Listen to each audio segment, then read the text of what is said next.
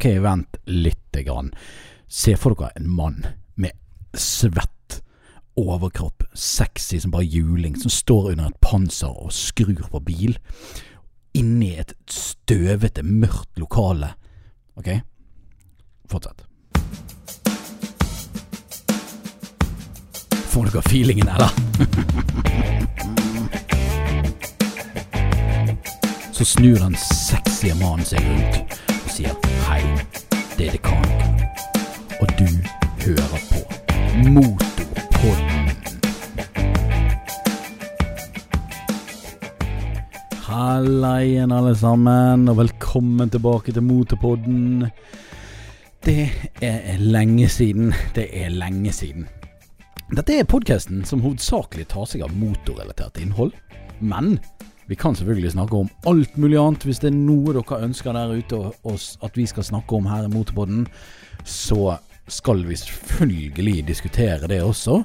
Men som sagt, bil, motorsykkel, båt, fly, lastebil, buss, whatever you want innenfor motorsegmentet, tar vi opp her i Motorpodden. Vi har en Instagram. Uh, vi har også en veldig, veldig feig Facebook-side. Uh, jeg vet ikke helt hva som skjer med den Facebook-siden, men uh, følg oss i hvert fall på Instagram, da. Motorpodden der også. Jeg er da dekanikeren. Uh, vår hovedsponsor er da Mr. Drakenoff, eh, YouTuber og Instagrammer. Fantastisk type. Sjekk han ut. Vi er nødt til å sette i gang med sendingen, og i dag så tenkte jeg vi skulle snakke litt om eh, hva som har skjedd i det siste. Jeg har vært lenge vekke.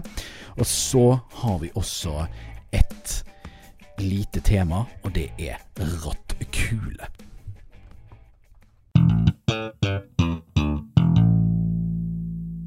Ja, så vi har jo vært lenge borte i Motpoden, sånn som det har blitt i det siste. Og eh, ja, det har nå skjedd litt. Det har vært sommer. Og eh, jeg har jo vært på tur alle mulige veier. Jeg har vært i Nord-Norge, jeg har vært på Østlandet, jeg har vært alle veier.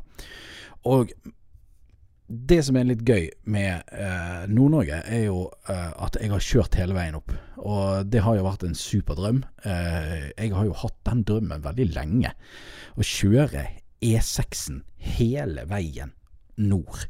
Nå, nå, nå kjørte ikke jeg hele E6-en, det skal sies. Eh, jeg kjørte jo fra Bergen, så jeg måtte jo rett og slett komme meg til E6-en, sånn halvveis midt inn i Midtlandet.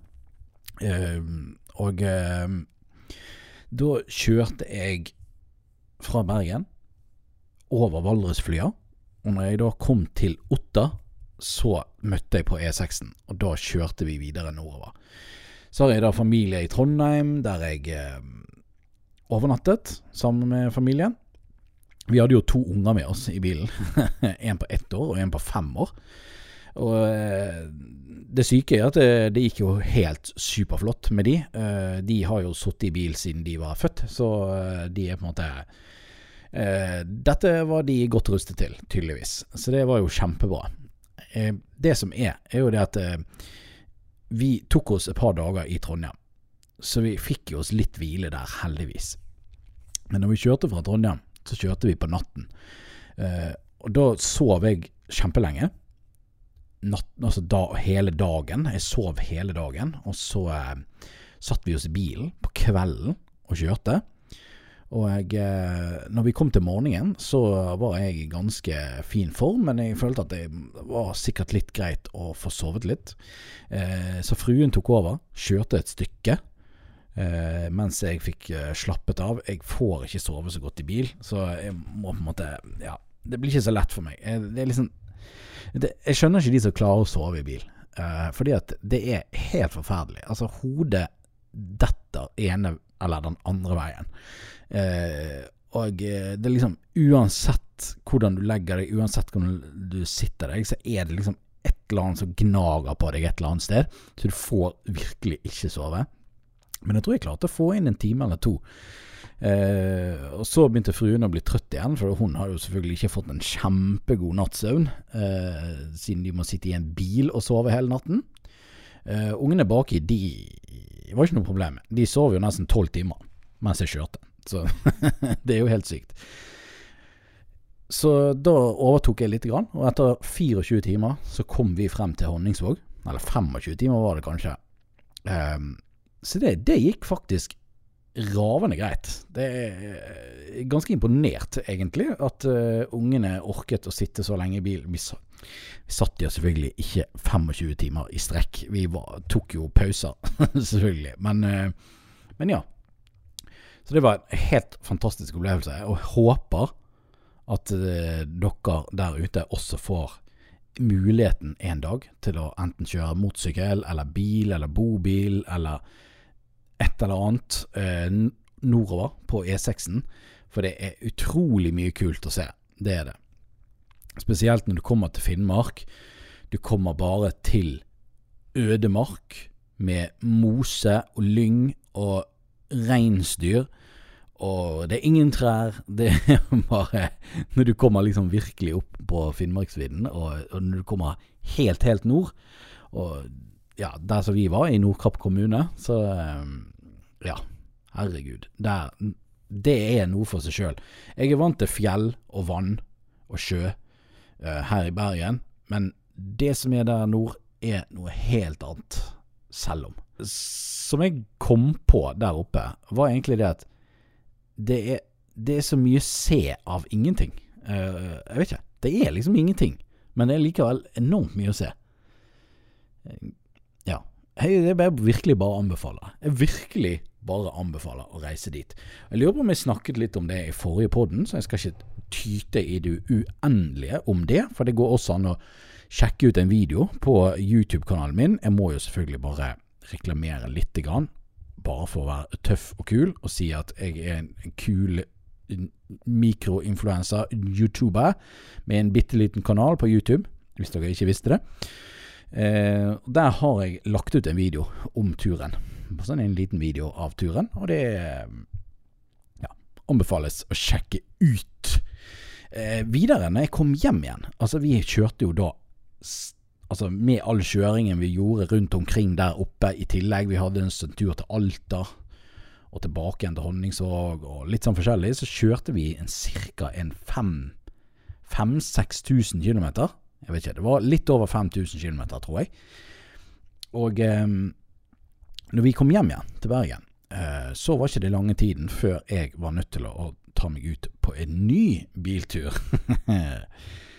Og det var jo da østover, for jeg skulle ta glattkjøring på tung bil. Og eh, det var jo noe som jeg hadde grådig lyst til å snakke om i dag, egentlig. Og det er hvor mye eh, enkelte ting overrasket meg over eh, over bremselengder og eh, forskjellige ting med lastebiler og busser. Eh, jeg er jo bussjåfør. Det vet eh, kanskje noen, og kanskje ikke noen. Men eh, Og jeg tok jo sertifikatet i fjor. Altså, eller jeg begynte å I fjor var det kanskje litt eh, Det begynner vel snart å bli ett og et halvt år siden. Ja. I hvert fall. Jeg har jobbet i ett og et halvt år som bussjåfør, og det som manglet, var jo glattkjøringen. koronatiden fikk jo gjorde jo at jeg fikk det utsatt litt. Grann. Eh, egentlig så skal du da etter ett år etter at du fikk sertifikatet, skal du da ta eh, glattkjøringskurs, sikkerhetskurs på bane. Og eh, eh det ble litt utsatt pga. koronaen, og det var jo da lagt ut av Vegvesenet også, at vi fikk et halvt år utsettelse på det, sånn at vi kunne rekke å ta kurset da, eh, for de som fikk kursene sine utsatt pga nedstengning av landet osv. Men i hvert fall, når jeg kom dit, og vi skulle ha det kurset, så skal jeg si dere én ting. Og det er at det jeg ikke var klar over, var f.eks. én ting som jeg lærte. Er at det spiller ingen rolle hva vekt du har på lastebilen eller bussen din. Du bruker like lang tid på å stoppe. Og jeg klarer egentlig ikke helt å forstå det. Jeg klarer ikke å forstå det helt ennå. Fordi at jeg var overbevist om, i min, min lille boble, eh, min lille hode-bergenserboble, at vekt hadde mye å si på bremselengde på kjøretøy. Og eh, fordi at det, vi snakker om så gigantisk mye vekt. Eh, en lastebil kan jo være oppimot 50 tonn, eh, og det er ganske tungt. Og eh, en tom buss er vel rundt en 12 10-12-14 tonn, cirka. Kanskje? Noe sånt? Ja, det blir veldig lysestemmen i. Eh, så det som overrasket meg der, var jo det at stopplengden på, på lastebil, spesielt når det gjaldt lastebil, det var jo, vi var jo med folk som kjørte lastebiler, at de hadde lik, like bremselengder på glatten. Eh, de som hadde helt tom lastebil, og de som hadde nesten helt fullastet lastebil. Og eh, det har jo mye med marktrykk å gjøre, dette her. Um, uh, jo tyngre lastebil er, jo mer, jo mer trykker dekkene ned på underlaget. Så det har nok mye å si der. Men det som også var litt uh, overraskende, var det at de utførte en test mens vi så på. Um, så kjørte de en liksom vanlig varebil. Jeg tror det var Mercedes Vito, hvis det ikke er helt feil. Og så tok de en lastebil stilte de ved siden av hverandre, kjørte bortover, og så eh, opp i 50 km i timen. Og så slo de full brems, begge to samtidig. Og det som var, var det at lastebilen stoppet ikke langt foran han. Det var ikke mange Jeg tror det var snakk om en meter, halvannen meter foran. Det var liksom bremselengden som var lenger i forhold til en vanlig personbil. Og um, det er også satt en litt sånn tankevekker i, i, i, meg. Fordi at jeg vet jo det at påløpstiden på en, en, en tung bil er jo litt lengre enn personbil. Altså en personbil har haudrylliske Haudryllisk Haudrillic Jeg vet ikke hvordan du sier det. Um, de er jo da væske, altså olje, i, i, bremsesystemet. Som når du da trykker på bremsepedalen, så uh, flytter da oljen på seg og, uh, og presser på stempelet på bremseskivene. I en buss og en lastebil så er jo dette her pneumatisk, altså det er da luft. Uh, så når du trykker på bremsepedalen, så åpner det et spjeld som gir beskjed til ditt og datt og alle veier, og, eller elektronisk gir beskjed til eh, eh, noen spjeld som eh, åpner for lufttrykk, som da presser på bremsene. Og eh, det tar da naturligvis ørlite grann lengre tid. Vi snakker ikke mye. Vi snakker om eh, jeg vet ikke 0,1 sekund, eller et eller annet sånt. Veldig, veldig fort i hvert fall. Men ganske mye lenger enn eh, Altså, det, det er litt grann lenger enn en, en, en, en personbil. Så, så det liksom, utslaget der var jo eh, helt fantastisk, egentlig. Å se at en, en, en lastebil eller en buss kan faktisk bremse like hardt som en personbil. og stoppe også. Eh, og der, det som var kult på banen der, var jo det at uh, tungbiler de var jo utstyrt med litt forskjellige typer dekk. Uh, altså i Noen var enormt dårlige, og noen dekk var litt bedre. Og det som var variasjonen der, var det at de bilene med de beste dekkene, de fikk de aller beste bremselengdene. Altså de korteste bremselengdene, og gjorde det mye bedre. Kunne ha høyere fart i svinger, osv., osv. Eh, og det, det, er jo ingen bombe. Har du, har du kjempegode dekk, så, så, så gjør, du bedre, gjør, du det bedre, på veien. Det, det, det, er jo ingen tvil. Det vet jo vi alle. Uh, det som, det som uh, liksom egentlig visste innerst inne, men som jeg ble lærte der, uh, og fikk en litt sånn vekker på i tillegg, det var jo um, hvor dårlig en lastebil f.eks. er utstyrt med dekk i forhold til en personbil. En personbil har jo er jo liksom som regel fire ganske like dekk, som har da retningsstabilitet både sidelengs og fremover og bakover. Det vil si at et personbildekk er laget for å kunne akselerere altså enten oppover i fart eller nedover i fart. Eh, sånn er det nødvendigvis ikke på lastebil. Eh, så hvis dere ikke visste det, så er jo framdekkene på en buss og en lastebil Det er noe som vi kaller for styredekk. Og de har, sånn som du ser på sommerdekk vanligvis, riller bare fremover. Altså langs med, langs med, med, med dekkbanen. Altså, ja, det er vanskelig å forklare det med ord over en podkast, men eh, det som er litt sykt, er jo det at sånne dekk som det der er jo ikke akkurat det beste på brems og akselerasjon. Uh, en, uh, det som de har prioritert der, er jo på en måte styringen. Og da er det dekket der er veldig fast og fint sidelengs, sånn at du har god styring på fram. Det er jo viktig på en sånn svær og tung bil. Så kan du tenke deg, se for deg en lastebil, så har den da eh, framhjul, sant, og så har den da eh, en tvillingaksel, tvillinghjulaksel, eh, som er neste bak, og så er det gjerne en, en boogie-aksling i tillegg, altså, en, en, altså de har to sett med hjul bak. Eh, hvis det var enkelt nok forklart. Og det fremste av de to eh, er jo det som på en måte som alltid har kontakt med bakken. Og så har du de bakerste som du kan i mange tilfeller, de aller fleste tilfeller, kan du heve opp og fjerne Ja, du slipper belastningen på, på de, da. Altså du løfter de opp litt. Grann. Og de dekkene som står, de som alltid er i kontakt med bakken, de er som oftest de beste dekkene for brems og øh, akselerasjon. Fordi at det er de det driver på. Og da er de dekkene laget for å fremdrift. Og eh, ja eh, Hvor mye de har tenkt på, på, på, brems, det har de sikkert også. Men eh, det er i hvert fall De funker begge veier, da. Og så har du da den boogie-akslingen som er bak det aller bakerste hjulsettet. Det er gjerne restedekkene som du har byttet fra eh, drivakslingen. Så når, når, du har slitt ut driv, drivakslingshjulene, så flytter du de bak på de bakerste hjulene, så det er ofte veldig, veldig dårlige dekk.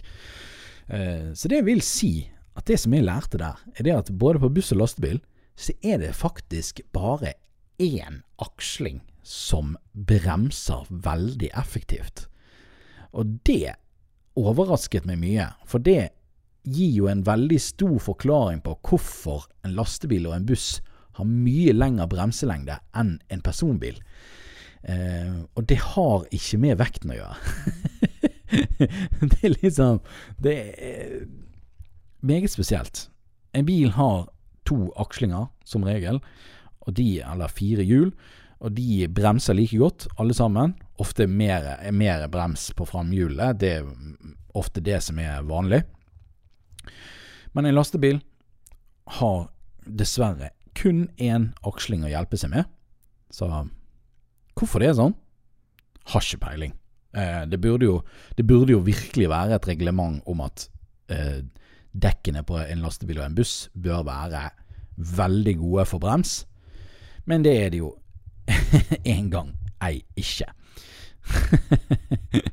så, så, jeg lærte nye ting. Jeg gjorde det. Og um, I tillegg så fikk vi lov til å sladde med, med bussene eh, på eh, glatt, uh, glatt bane. Uh, en ganske rett bane. En som var en sving, og så var det en oppoverbakke. Eller en bakke da, som du fikk kjøre oppover og nedover i. For å teste ut forskjellige utfordringer på glatten. og Det absolutt gøyeste var buss med boogie. 15 meter lang buss. Eh, sånn type turbuss som du ser, med, med, med, dobbel, eh, med doble hjul bak. Boogiehjul. Og eh, den la seg kjapt ut med ræven, for å si det sånn.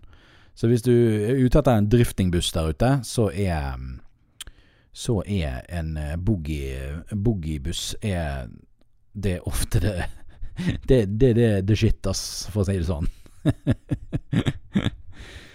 Videre på Østlandet så uh, stakk jeg innom uh, godeste Uncle Traveling Mac. Jeg stakk innom Joakim Ottersen, der, og jeg stakk også innom Eller, vi møtte også på vår fantastiske hovedsponsor her i Motorpodden, Mr. Drakenoff. Uh, så det var veldig kjekt å se de gutta igjen. Uh, Joakim ble jo faktisk med meg tilbake igjen til Bergen. For han skulle møte på eh, noen andre karer. Eh, så, det, er også fullverdige videoer på det på Joakim Ottersen sin kanal, og på min, Dekanikeren. eh, YouTube-kanal, altså. Eh, sjekk ut, sjekk ut, sjekk ut, sjekk ut. Sjekk ut!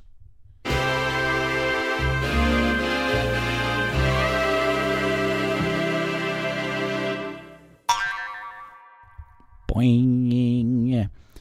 Hva har du sett på i det siste, Dekanikeren? Nei, nå skal jeg fortelle deg det, Dekanikeren, at nå har jeg Nei, nå blir det bare tull. Nå tøyser jeg fælt. Eh, jeg har, jeg har, har sittet og sett på formuladrift. Eh, og det er egentlig noe jeg har tenkt på veldig lenge. Å finne frem eh, noen eh, YouTube-videoer om det. Og så, og så hopp, stumpet jeg liksom bare over det inn på newsfeeden på YouTube hin dagen. Uh, en livesending fra, direkte fra Formula Drift med selveste Åsbøen og hele pakken, vet du. Um, det syns jeg var så kjekt. At, uh, og det passet så godt, fordi at det er ikke noe du liksom på død og livet sitter, er nødt til å sitte og følge med på. Det blir litt mer som et sånn TV-program som kunne stå litt i bakgrunnen. For jeg holder jo veldig mye på på PC-en min med redigering og uh, se gjennom klippene som vi har laget. Og det, det, tar enormt lang tid. For de som ennå ikke har forstått det, av de tusentalls videoene der ute på YouTube av de som prøver helhjertelig å forklare hvor lang tid det tar å lage YouTube-videoer, så skal jeg si det her nå. YouTube-videoer tar veldig lang tid å lage. OK? Nei, det, det Altså, det, vi snakker ganske mange timer for å redigere f.eks. en video som tar en halvtime. Uh, først og fremst så har du gjerne Må du filme alt. Uh, det kan jo vare over mange dager, basically. Um, så skal alt ses over for å se om det er noe du har lyst til å bruke. Så skal du klippe dette sammen. Så skal du gjerne lage noen effekter, legge til noe musikk og få klippene dine til å passe inn i musikken. Forlenge spilletiden, altså at klippene går saktere eller kortere, bla, bla, bla. bla, bla, bla. Dette tar faktisk ganske lang tid. Og da syns jeg det er megakjekt å sitte og se på Formula Drift i bakgrunnen. Og det eh, Ja, det har jeg gjort i flere dager nå. Jeg har nesten bare sittet og sett på det hele tiden på YouTube. Og tenk hvor kult at vi har en YouTube-kanal der ute som heter rett og slett Formula Drift Formula, og så er det Drift med store bokstaver etterpå. Um, og um, hvis du abonnerer på det, så får du opp livesendinger og direkte direktesendinger fra Jeg vet ikke om det er direkte, da, men de har i hvert fall livesendinger som sendes fra, fra de forskjellige eh, racene. Så det er jo eh, kjempe, kjempekult. Jeg vet jo ikke hvor lenge Vet du hva, Jeg har dessverre ikke klart å sette meg inn i så mye. Eh, så det er liksom Jeg har begynt nå. Drifting er noe som jeg har syntes har vært veldig, veldig kult veldig, veldig lenge. Og noe som jeg kunne tenkt meg å, å, å prøvd sjøl også. Uh, men dit har jeg langt ifra kommet ennå, uh, så jeg må liksom begynne med å uh, se, litt, se litt på de forskjellige eventene, og se hva, hva det går i, og litt sånn, og gjøre meg litt kjent med det først. Så ja, det blir, det blir ukens anbefaling. Formula Drift YouTube-kanal på, på YouTube. Ja, det sa jo seg sjøl. Eh, ellers, som vanlig, Mighty Car Mods de holder jo på med sine gøyale prosjekter. Eh, og eh, de vanlige norske bil-youtuberne Black Money, Sondernes, Joakim Ottersen og eh, Christian Goes On har legga ut litt av og til. Og de gutta der Sorry hvis jeg glemmer å nevne noen. Men skit nå opp i det nå. For nå skal vi gå inn på hovedtema i denne podkastet, og det er Er det lov med rattkule? Jeg har hørt så mye forskjellig angående styrekule på personbil. Er det ulovlig? Og i tilfelle hvorfor? Den er jo så genial. Det er greit nok at det er på store biler der eh, man må dreie 20 ganger for å svinge, men eh, på vanlige biler må det være skikkelig plagsomt. Jeg er ganske sikker på at det er ikke lov, men eh, jeg finner ingen regler på det, altså. Fatter'n det bilen sin på EU-kontroll i dag, og den sa ingenting om styrekula. Jeg ble stoppet av politiet. Han sa at jeg ikke kunne bruke sånn på denne type bil. Jeg sa også at mange lastebiler bruker de. Da sa han at det var pga. airbagen, og at man måtte fjerne den så fort som mulig. Har noen andre hørt om dette? Jeg har også blitt stoppet av Vegvesenet, og de sa ingenting. Det er ikke lov fordi man skal ha liksom ha Man skal liksom ha to hender på rattet. Det er vel ikke noe krav om at man skal ha begge hendene på rattet når man kjører. Så hva er egentlig lov, folkens? Hva er egentlig lov? Og hva er ikke lov? Kanskje vi klarer å få et svar på det i dag. Eh, kan ikke garantere at eh, den informasjonen jeg kommer med i dag, er super, super eh, riktig. Men jeg har funnet noen lover i den Norges lover. Hva heter det? Kjøretøysforskriften.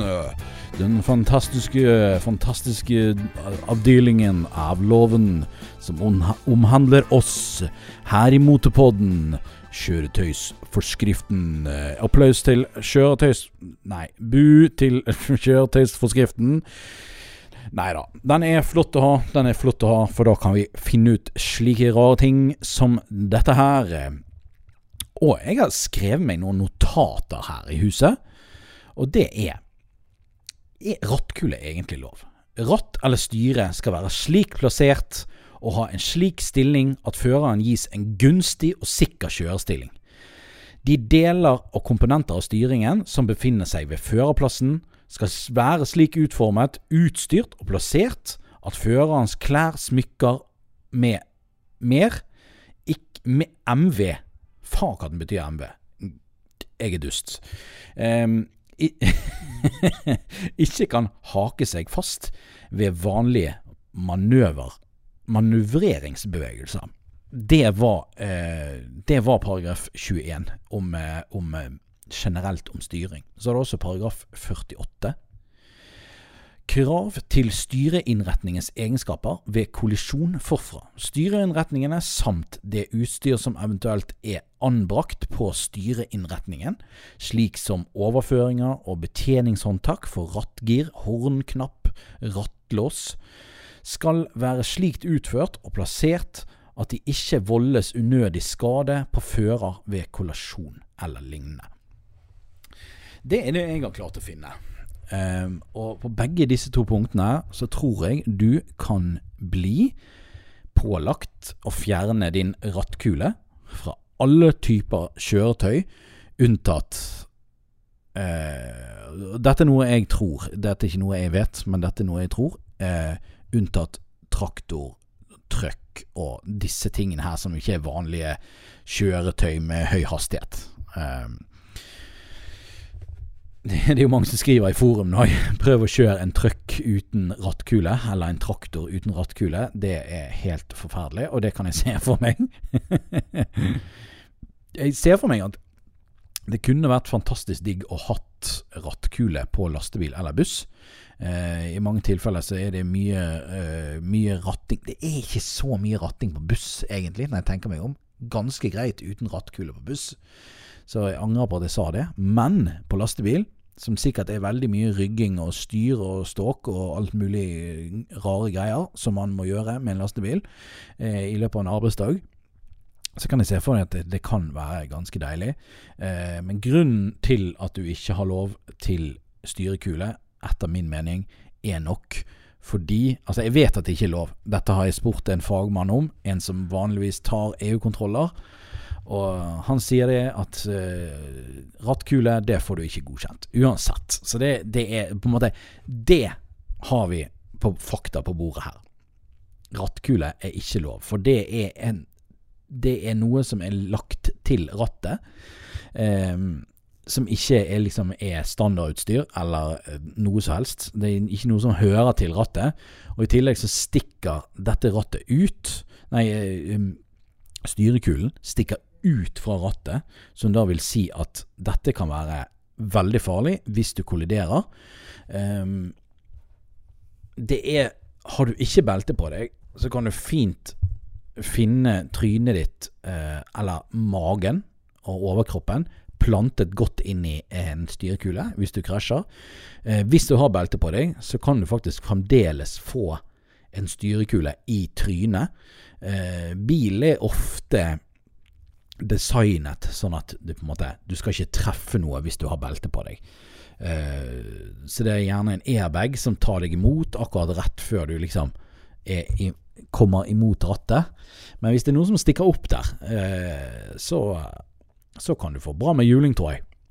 jeg skulle, skulle, gjerne snakket med en ambulansesjåfør når det gjelder dette her, for det, de, de, vet sikkert Eller en politimann. Uh, men det er en ting, annen ting som vi har nevnt, og det er airbag. Jeg ser for meg en airbag og en styrekule. Jeg tror ikke de harmoniserer så veldig godt. Eh, det kan fort være at en airbag kan sprenge av en styrekule. Jeg ser for meg at det kan skje, fordi at en airbag er ganske eksplosive saker. Og eh, en styrekule som bare er skrudd fast med noen skruer i et ratt jeg, jeg ser det kan være Altså, det kan være ganske farlig i en kollisjon, altså. Så det er nok basically kollisjonen vi snakker om her. Altså hvis det skjer en ulykke, en kollisjon, um, så, så, er det det som er risikoen med styrekulen. Men det fins jo noen unntak, og det er jo folk som er handikappet, f.eks. at de har de ikke har bein, eller de ikke har altså, mulighet til å bruke beina, så kan det også være en grunn til at du kan få en slags rattkule. Altså det fins jo, finnes jo litt sånn forskjellige typer styreinnretninger du kan få installert i bilen for de som ikke kan bruke beina, men de kan fremdeles kjøre bil. Så Uh, og da har de gjerne en, en, en, type joystick, eller hva det er for noe. Jeg har ikke sett så mye nøye på sånne ting. Jeg har aldri sett det så ofte. Men uh, uh, som de kan få montert på rattet.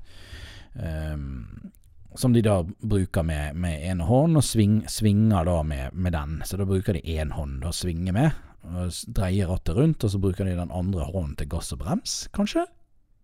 Jeg vet ikke hvordan det funker, men uansett. Eh, har du et handikap eller noe sånt, så kan du få lov til å ha en styreinnretning montert ekstra på rattet ditt. Spørsmålet er jo da om eh, airbag og sånne ting blir, eh, blir, blir avmontert eh, når de installerer sånne ting, eller en spesial-airbag eller et eller annet sånne ting.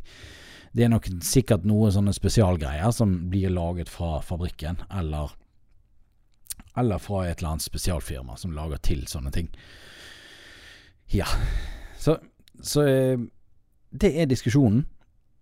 Hvis dere har noe å tilføye eh, på dette her, temaet her, er du, er du, en person som godkjenner biler eller lignende?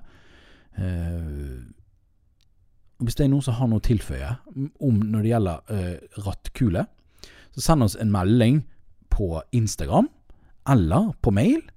Det er da motorpodden at gmail.com. Eller da Instagram heter vi da Motorpodden. Der kan vi sende oss en DM.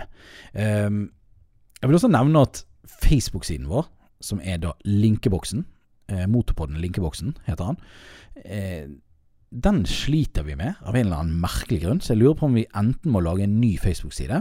For det som er så greit, er det at vi legger ut linker eh, til forskjellige ting i, i Facebook-siden.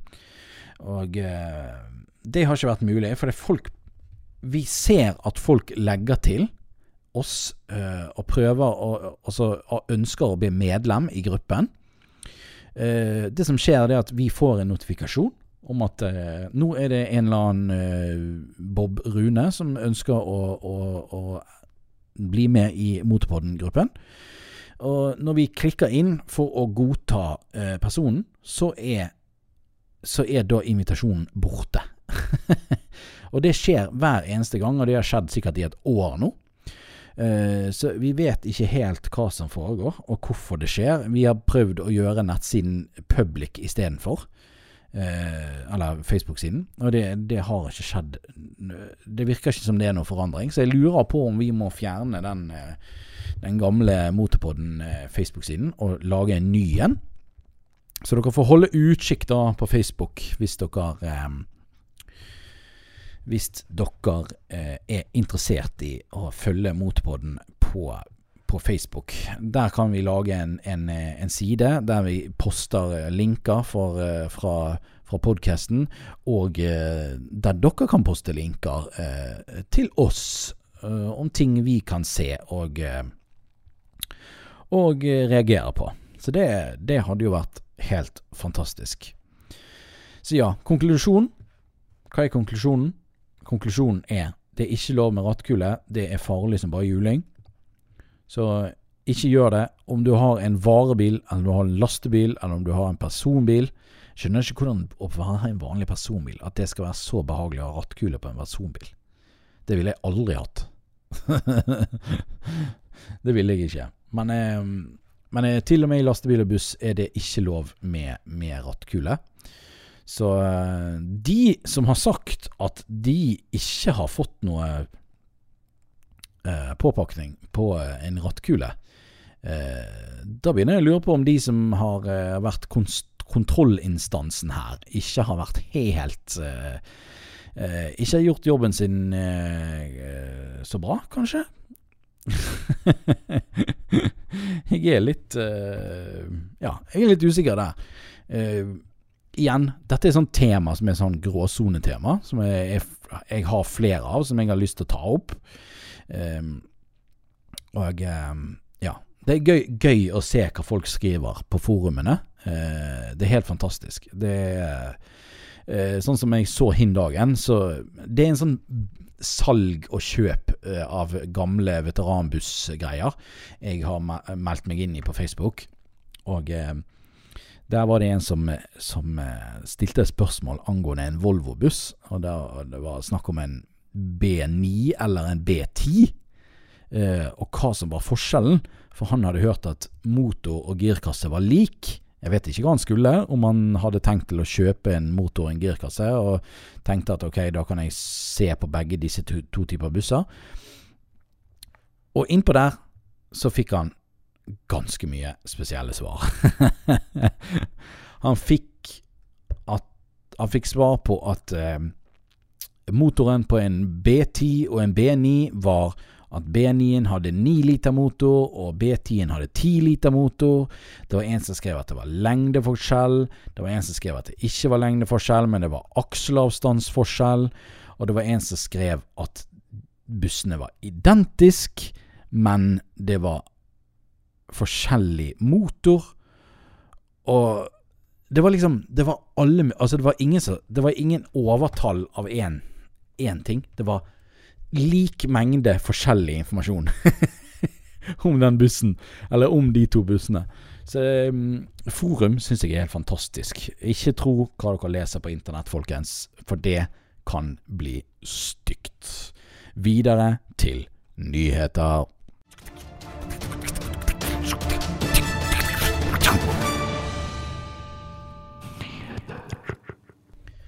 Så i nyhetene i dag så har jeg en liten sak å komme med, og det er På din side, eh, det er en ganske stund siden jeg fant fram denne saken. Selvfølgelig, som vanlig, for det er jo 100 år siden jeg finner frem nyhetssakene til motorbåten. Men overskriften lyder sånn Dekket du aldri må bytte. Når mønsteret på dette dekket begynner å bli slitt, så bygger det seg opp igjen automatisk uten at du må ta av hjulet. det høres jo helt insane ut. Tenk å aldri trenge å skru av hjulene dine for å, for å bytte dekk. Um, det høres jo digg ut. Det gjelder jo ikke for oss her i Norge, dessverre, for vi må jo bytte til vinterdekk uh, hvert halvår. Uh, vinter- eller sommerdekk hvert halvår. Men det som er eh, Det som er skummelt for de som eh, bor f.eks. i varme strøk, er jo det at eh, hvis de aldri tar av hjulene sine Å hjelpe meg. Jeg har jobbet i dekkbransjen. Jeg vet hvor hardt hjul kan sitte fast. Det er ikke gøy. Så for all del, hvis de finner opp en oppfinnelse der dekkene bare fornyer seg sjøl, så for all del så burde folk på et eller annet tidspunkt i hvert fall skru av og på hjulene sine, sånn at de vet at de faktisk får de løse når det først gjelder. For det, det, kan bli et forferdelig tull hvis det, det, er en dag du er nødt til å fikse noe, og så er det to år siden du må trengte å skru av det hjulet. Da Ja. Da ser jeg for meg at det blir dyrt, med nye felger som du er nødt til å sage av bilen for å få de løs. Forhåpentligvis ikke så ille. Men videre i annonsen, annonsen i artikkelen, eh, så, eh, så skriver de at Goodyear de har utviklet et nytt dekkkonsept som kan revolusjonere dekkindustrien. Dersom en, en gang i fremtiden det dekket kommer i en vanlig produksjon. Ideen er enkel. Når mønsteret i dekket begynner å bli slitt, kan det bygges opp igjen mens dekket sitter på bilen. Du sitter rett og slett inn en beholder i felgene eller whatever, med flytende gummiblanding, ja, i navet på hjulet. Og eh, så kan du velge mellom forskjellige typer blandinger som gir eh, forskjellig mønster, alt etter hva kjøreforhold du har. det Høres meget spesielt ut. Det virker som de folkene her kanskje ikke tenkt over uh, de nordlige strøkene av verden, men uh, uansett um, Ja. Uh, spennende konsept. du ser på bildet, så er det da et meget futuristisk type dekk. med da en slags Ser ut som et sykkelhjul inni, og så er det da en nav på midten som du da kan putte en sånn beholder inni. Uh, så sier de det at de kan, eh, de kan uh, da tilpasse da type gummiblanding til hver enkelt kunde. sånn at folk kan tilpasse hjulene sine akkurat sånn som de vil. Og det, det, høres jo litt kult ut, akkurat det, da. Det er jo det. og dekket er jo da forsterket. Det er jo helt sikkert ikke luft i dette. så det er nok ikke da gummiblandingen som gir dempingen til hjulet. Det er nok da noe annet innvendig. Dere har kanskje sett disse andre dekkene. Det er en reklame om, om det på, um, på, den samme artikkelen her, jeg, eller nedover i artikkelen. Så er det et sånt, et sånt dekk som er uten luft, eh, som de har reklamert for. Eh, og det dekket har de faktisk begynt å bruke i industrien. eh, og det er litt kult, uh, men på personbiler har ikke det kommet så langt ennå. Uh, uansett, du kan pumpe felgnaven opp med hvilken type blanding du vil, og så kan du da kjøre litt til. Jeg ser for meg at dette blir ikke, i hvert fall ikke med det første, billigere enn å bytte dekk. Dette blir sikkert sykt mye dyrere, hvis det noensinne kommer til verden. Oi, oi, oi. oi. Men ekstremt slitesterkt skriver de at det skal være. Det skal være bærekraftig. Blandingen i beholderen er laget av et biologisk materiale. For, forsterket med fiber som tilsvarer styrken i silken som en edderkopp spinner. Wow! Wow! Dette vil gjøre dekkmønsteret ekstremt slitesterkt og nedbrytbart. Det skal være enkelt for bileieren, i tillegg til at du slipper å bytte hjul på bilen, vil dekket ha en forsterkning som gjør at dekktrykket er konstant. Det vil dessuten gjøre dekket punkteringsfritt, alt ifølge Goodyear.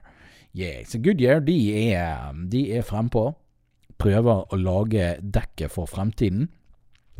Jeg ser for meg at eh, å jobbe på dekkverksted kan være ganske digg. eh, hvis det eneste du trenger å gjøre, er å bare pushe en beholder inn i navet på dekket eller på hjulet.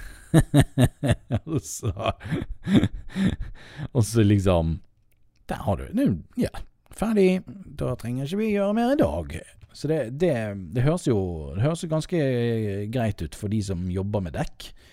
Uh, men jeg, jeg, ser for meg jeg, Det er ett problem jeg ser for meg, og det er hva i huleste gjør du når bilene begynner å aldri skal ha av hjulene sine. Eh, for da begynner du å få de samme problemene som alle andre bildeler under bilen, som er rustet fast, og du må brenne det av, og det er bare styr og, forferdeligheter. Så det er jo faktisk en fordel å kunne bytte dekkene, altså, altså kunne skru de av og på en gang iblant. Det, det er jo på en måte Ja, det er en fordel, altså. Men, eh, men eh, kul idé. Veldig kul idé.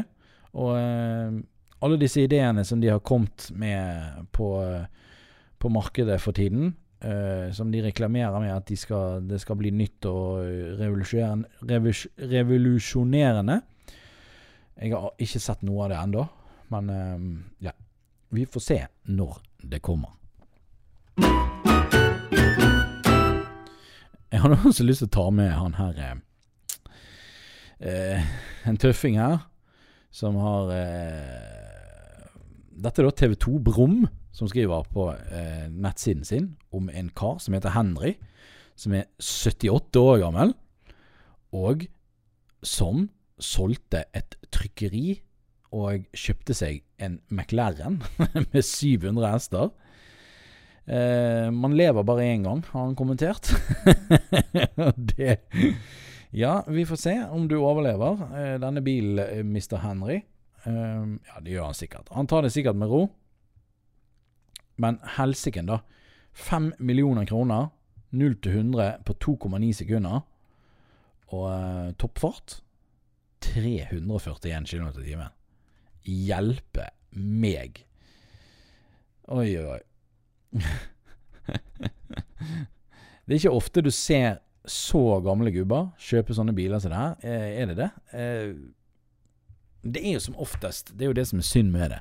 Det er jo det at de aller dyreste bilene her i, i, i landet er jo som regel de litt eldre som har råd til, fordi at de har levd et langt liv og tjent seg opp noen penger opp gjennom livet. Eh, meg som 32-åring kan ikke skryte av at jeg har råd til noe bil eh, ikke, Jeg har ikke råd til en bil for en halv million engang, så det er jo eh, det, det, er nå meg. Men ja. Jeg syns det er rått at en, eh, en 78-åring har eh, kjøpt seg en McLaren her i Norge. Det er veldig, veldig gøy. Det står jo også her i artikkelen at han, ei, han har en AC Cobra og en Ford GT 40 òg. Men de er jo da seige i forhold til den McLaren her.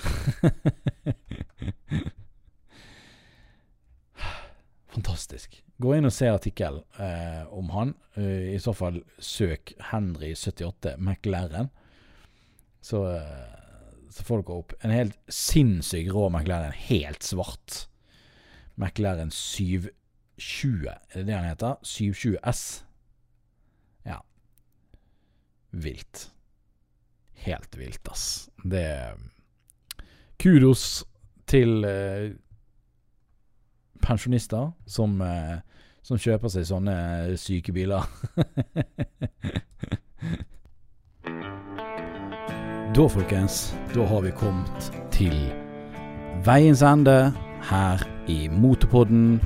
Jeg syns at det er så superhyggelig Unnskyld at jeg spytter dere inn i ørene. Men eh, jeg syns det er superhyggelig at dere hører på Motorpodden. Og eh, det har vært bare meg her i dag. Uh, ikke hatt noen gjest. Jeg tenkte at jeg skulle kjøre en uh, helt streit, vanlig sending bare med meg og dere.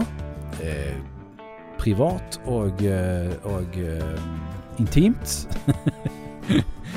Jeg håper at dere har kost dere med meg inn i ørene deres. Og i neste podkast så blir det nok en, en gjest. Jeg vet ikke helt hvem det blir ennå. Dere får bare vente i spenning. Husk å sjekke ut YouTube-kanalen og Instagrammen min. Jeg trenger litt flere følgere. Sjekk ut Dekanikeren på Instagram og på YouTube. Og så må dere sjekke ut Instagrammen til Motpodden, er dere snill. Og så må jeg også da selvfølgelig si denne sendingen er sponset av Mr. Drakenoff. Det er en liten meme, men eh, Husk, folkens, ikke gnikk fjes med de dere ikke bor med i disse koronatider. Ha det kjekt.